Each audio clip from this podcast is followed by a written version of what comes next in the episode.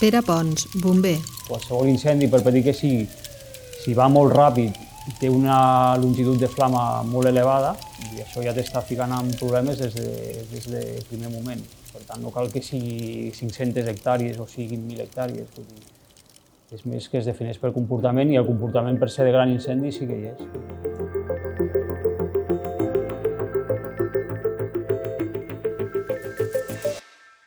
D'incendi va ser elevat tot el juliol, un fet poc habitual. Les temperatures es van situar 4,1 graus per sobre de la mitjana climàtica. La temperatura màxima mitjana va ser de 30,6 graus. Es tracta del mes més càlid des de 1950, i no només això. Durant 23 dies no va caure ni una gota. Hola, sóc l'Ester Pons. És dimecres 14 de setembre i això és l'Altaveu a fons. Aquesta setmana ens preguntem és possible un gran incendi a Andorra? La, la cosa terrorífica que tothom té por. És probable? No, no és probable, però no és impossible. Vale? Potser en un altre moment hagués estat quasi impossible i ara és una mica més probable que era abans. És Marta Domènech, enginyera forestal i investigadora d'Andorra Recerca i Innovació. Ella ens ha explicat per què ara és més fàcil d'imaginar aquest escenari que abans. Però comencem pel principi. La superfície forestal és la majoria d'Andorra, perquè considerem forestal, superfície forestal també prats, arbustos, etc. Però la superfície arbrada és de prop del 39%, ara mateix. I s'ha de dir que en el passat era menys, eh? O sigui que estem realment en, en boscos en, en augment, tant en superfície com en densificació. Teníem boscos més aclarits i ara tenim boscos més densos i més extensos. Això vol dir que tenim boscos que ens demanen més aigua, en el cas d'aquests dies que estem visquent la sequera. No? Això vol dir que estem tinguent boscos eh, més estressats. No? En aquest context de canvi climàtic, que ja molts dels que treballem en recerca estem modelitzant què ens passarà el 2050, el 2070, però també estem veient que avui dia la, les zones de calor són més freqüents, les temperatures, les temperatures màximes doncs, també són més recurrents. Tot això afecta l'estrès d'aquest bosc i, per tant, la gestió forestal aquí té un paper clau. La gestió forestal és important per tenir uns boscos saludables i mantenir totes les funcions ecosistèmiques, també per prevenir el risc d'incendi. A l'inici hem escoltat el bomber Pere Pons. Ell és el responsable en el cos de la gestió forestal. La gestió forestal és un tema una mica...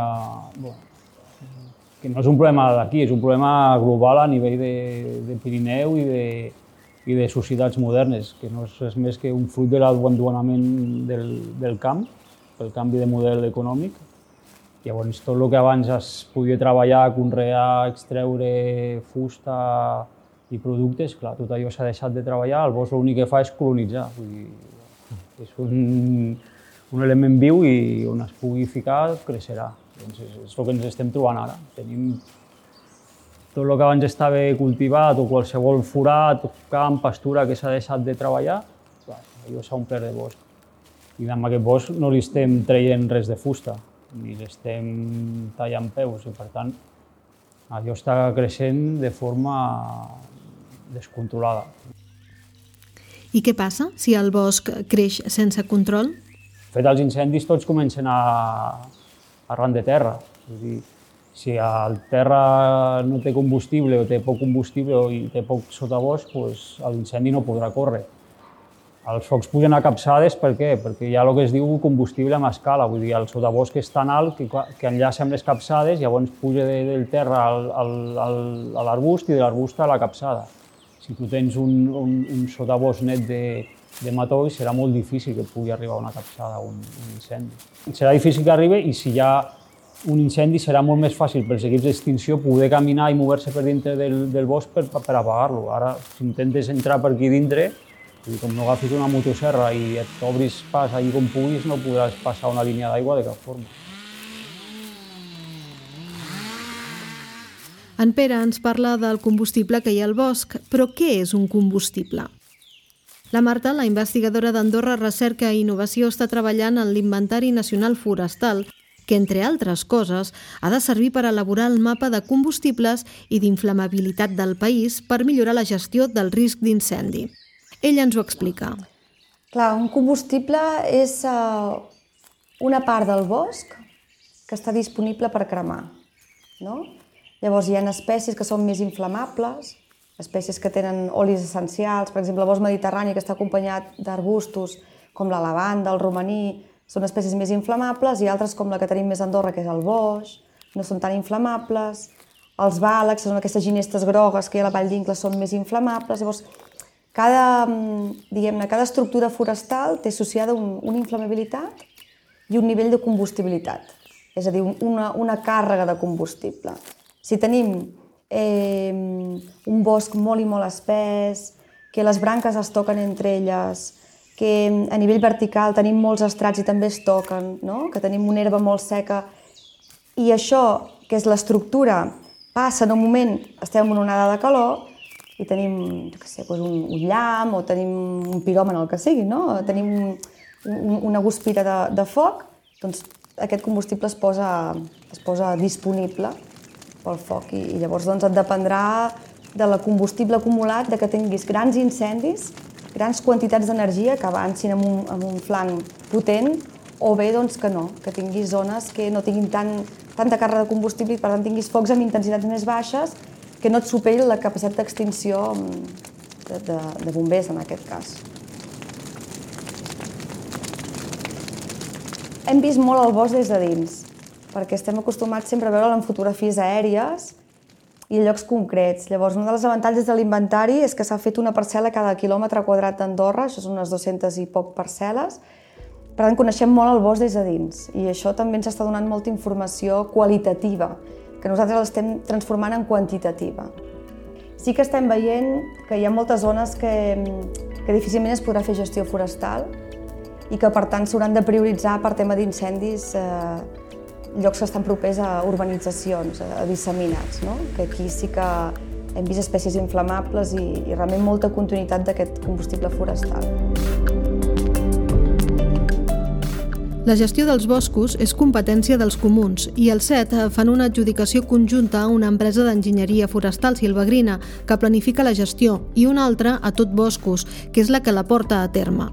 A partir d'aquí, cada comú els dona més o menys feina depenent de les necessitats i prioritats.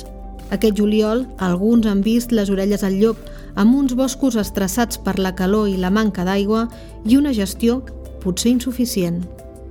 Així ho confessen el cònsul de Sant Julià, Josep Majoral, i el de Canillo, Francesc Camp. Tot Andorra tenim una problemàtica de gestió forestal. Tot, del primer a l'últim. No, no hi ha més. Sant Julià, mm, si al final, quan es va fer el Tobotron, ja hi ha informes que a aquella època es parlava d'un bosc malalt per sobrepoblació. Jo crec que hem de reforçar el pressupost de neteja dels boscos els propers anys eh, de forma molt important, no només a Caneu, sinó a tot Andorra, perquè realment aquest tema crec que no, no anirà menys, malauradament segurament anirà més al risc d'incendi. Amb tota aquesta informació a sobre, he decidit anar a veure l'enginyer forestal responsable de Silvagrina, Esteve Tor, per saber com es planifica la gestió forestal. Hola, sóc l'Ester, venia a parlar amb l'Esteve Tor. Sí, pots pujar, sisplau. Merci. Bon dia, Esteve. Hola, bon dia.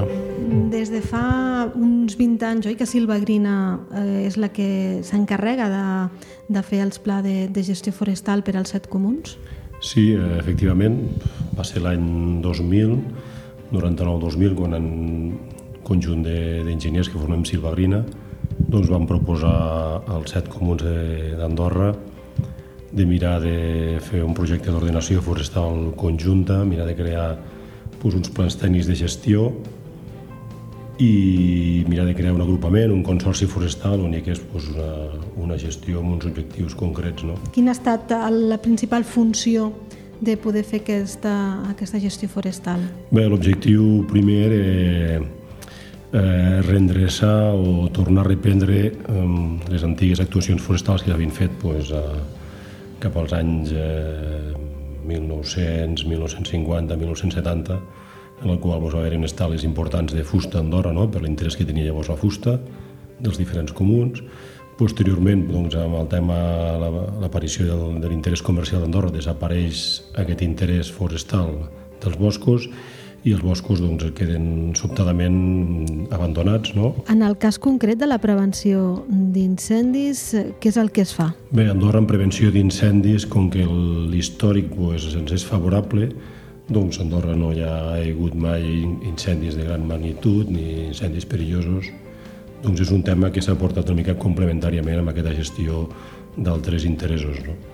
És evident que s'ha centrat en, en les actuacions que s'han fet s'han centrat en boscos que fan una protecció física davant de, sobretot de les allaus, és a dir, prevenir, prevenir estructures eh, de protecció, de prevenció d'incendis en zones que hi haguin allaus, aquest és un primer objectiu, i l'altre també en zones, evidentment, urbanitzables i zones de, de, creixement, de creixement urbà, no? que cada vegada més doncs, la societat eh, s'està, o el creixement el creixement urbà doncs, està introduint més a dintre dels boscos i cada vegada doncs, es demana que el, el bosc doni un servei més de, de, de, de seguretat i de, de protecció envers aquestes urbanitzacions.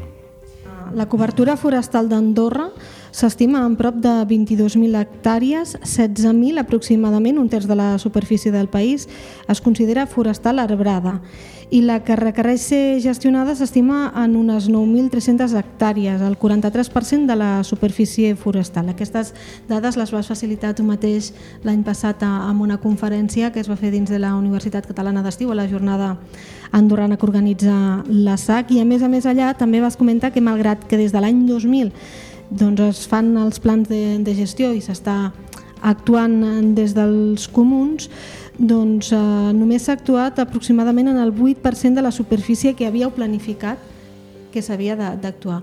Aquesta és una evolució correcta o és més lenta del que esperava? Perdó, aquesta evolució és evident que és més lenta del que es va projectar al principi. No obstant, aquí hi ha diversos factors. És a dir, primer de tot, la societat actual hem tingut una, diria jo, desculturalització de lo que és la, la ciència forestal. És a dir, és difícil, és difícil treballar al bosc quan, quan realment doncs, eh, la gent eh, no entén que s'hagin de tallar arbres per una millora forestal. És difícil justificar inversions als boscos quan, quan realment eh, el coneixement de l'evolució de la massa forestal doncs es desconeix. No? És a dir, en aquest sentit, a nivell dels pressupostos o de les partides que s'han dedicat al bosc, doncs hi ha hagut molts alts i baixos. Al final, el 2013, els comuns van agafar el compromís de que hi hagués una continuïtat d'inversions en, en tema de gestió forestal, i aquest és un pas important, però de totes maneres, amb les superfícies que tenim a Andorra, amb les dificultats de treball que hi ha a Andorra, eh, la inversió comunal o la inversió, en algun cas, podria ser inclús estatal per la gestió forestal, jo crec que passa també per ajuntar el sector, la feina del sector, del sector ramader i agrícola, és a dir, una dels, un dels problemes que tenim de que realment la, la vegetació pues, es vagi estenent i, vagi, i es vagi homogenitzant a nivell, a nivell nacional és perquè realment el sector ramader en els últims 50 anys o 60 anys pues, està desapareixent i un dels grans, eh, una de les grans eines per intervenir dintre dels boscos i poder mantenir doncs, o obrir aquests boscos i tenir aquestes biodiversitats de, de, del diferent sistema ecològic doncs passa perquè realment el, el ramader doncs, estigui incentivat, estigui motivat per realment fer aquesta feina que, que sempre havia fet i que realment doncs, mantingui aquesta, aquesta heterogeneïtat dels boscos, no? i això és una de les eines principals també pel tema de prevenció d'incendis. Els comuns aquest any eh, també han començat a, a parlar del possible aprofitament del que es neteja dels boscos. Sí, és evident que, le, que des d'un punt de vista administratiu, quan inverteixes diners al bosc i no en tens un guany directe, doncs es fa difícil cada vegada justificar aquests, aquestes partides, no? Llavors has de trobar, s'ha de buscar l'interès que això sigui econòmicament sostenible i és veritat que no només aquest any, sinó que ja potser portem 5 i 6 anys o més parlant del tema de l'aprofitament de la biomassa. Cada, cada vegada ho tenim més patent. Mm, Andorra no acaba de, no acaba d'activar-se perquè realment boscos amb superfícies aprofitables, eh, senzilles d'aprofitar, doncs, em sembla que és una xifra de l'ordre de, de 2.000, 3.000 hectàrees màxim. Vull dir, costa de, de, de, de que, prengui, que es prengui això en sèrio però és evident que l'interès de l'aprofitament d'una energia renovable com pot ser l'estella doncs és important, seria molt important per poder eh, estabilitzar aquest sector forestal. Abans parlàvem de, de l'elevat cost. Eh, a mi m'havia donat m'havien donat un preu aproximat d'uns 3.000 euros l'hectàrea per fer gestió sense tenir en compte un possible aprofitament posterior. Més o menys són aquests preus? Bé, sí, últimament els pressupostos que estem, que estem moguent se'n van a un preu mig d'aquest cost, 3.000 més o menys l'hectàrea. El que passa és que bueno, els costos aquests també depèn molt del tipus de feina que facis. Una cosa és una feina molt superficial i lleugera, on el cost pot ser inferior, i una altra cosa és una feina ja més intensiva, amb desplaçaments de, de personal inclús amb helicòpter, perquè realment doncs, no, no hi ha manera d'arribar a aquests boscos que, que, que ens fan falta treballar per tema de protecció, protecció de, la, de les vivendes, per exemple. Vull dir que el cost és molt variable. Esteve, moltíssimes gràcies per, per haver-nos atès i haver-nos explicat com funciona la gestió forestal. Vale, gràcies a vosaltres. La gestió, doncs, és costosa, però quin cost haurem de pagar si no es fa? Això ha estat l'Altaveu a fons. La realització d'aquest episodi ha anat a càrrec de Rodrigo Carvajal, Eduard Ros i qui us parla, Esther Pons. Esperem que us hagi agradat. Dimecres vinent tornem amb més històries.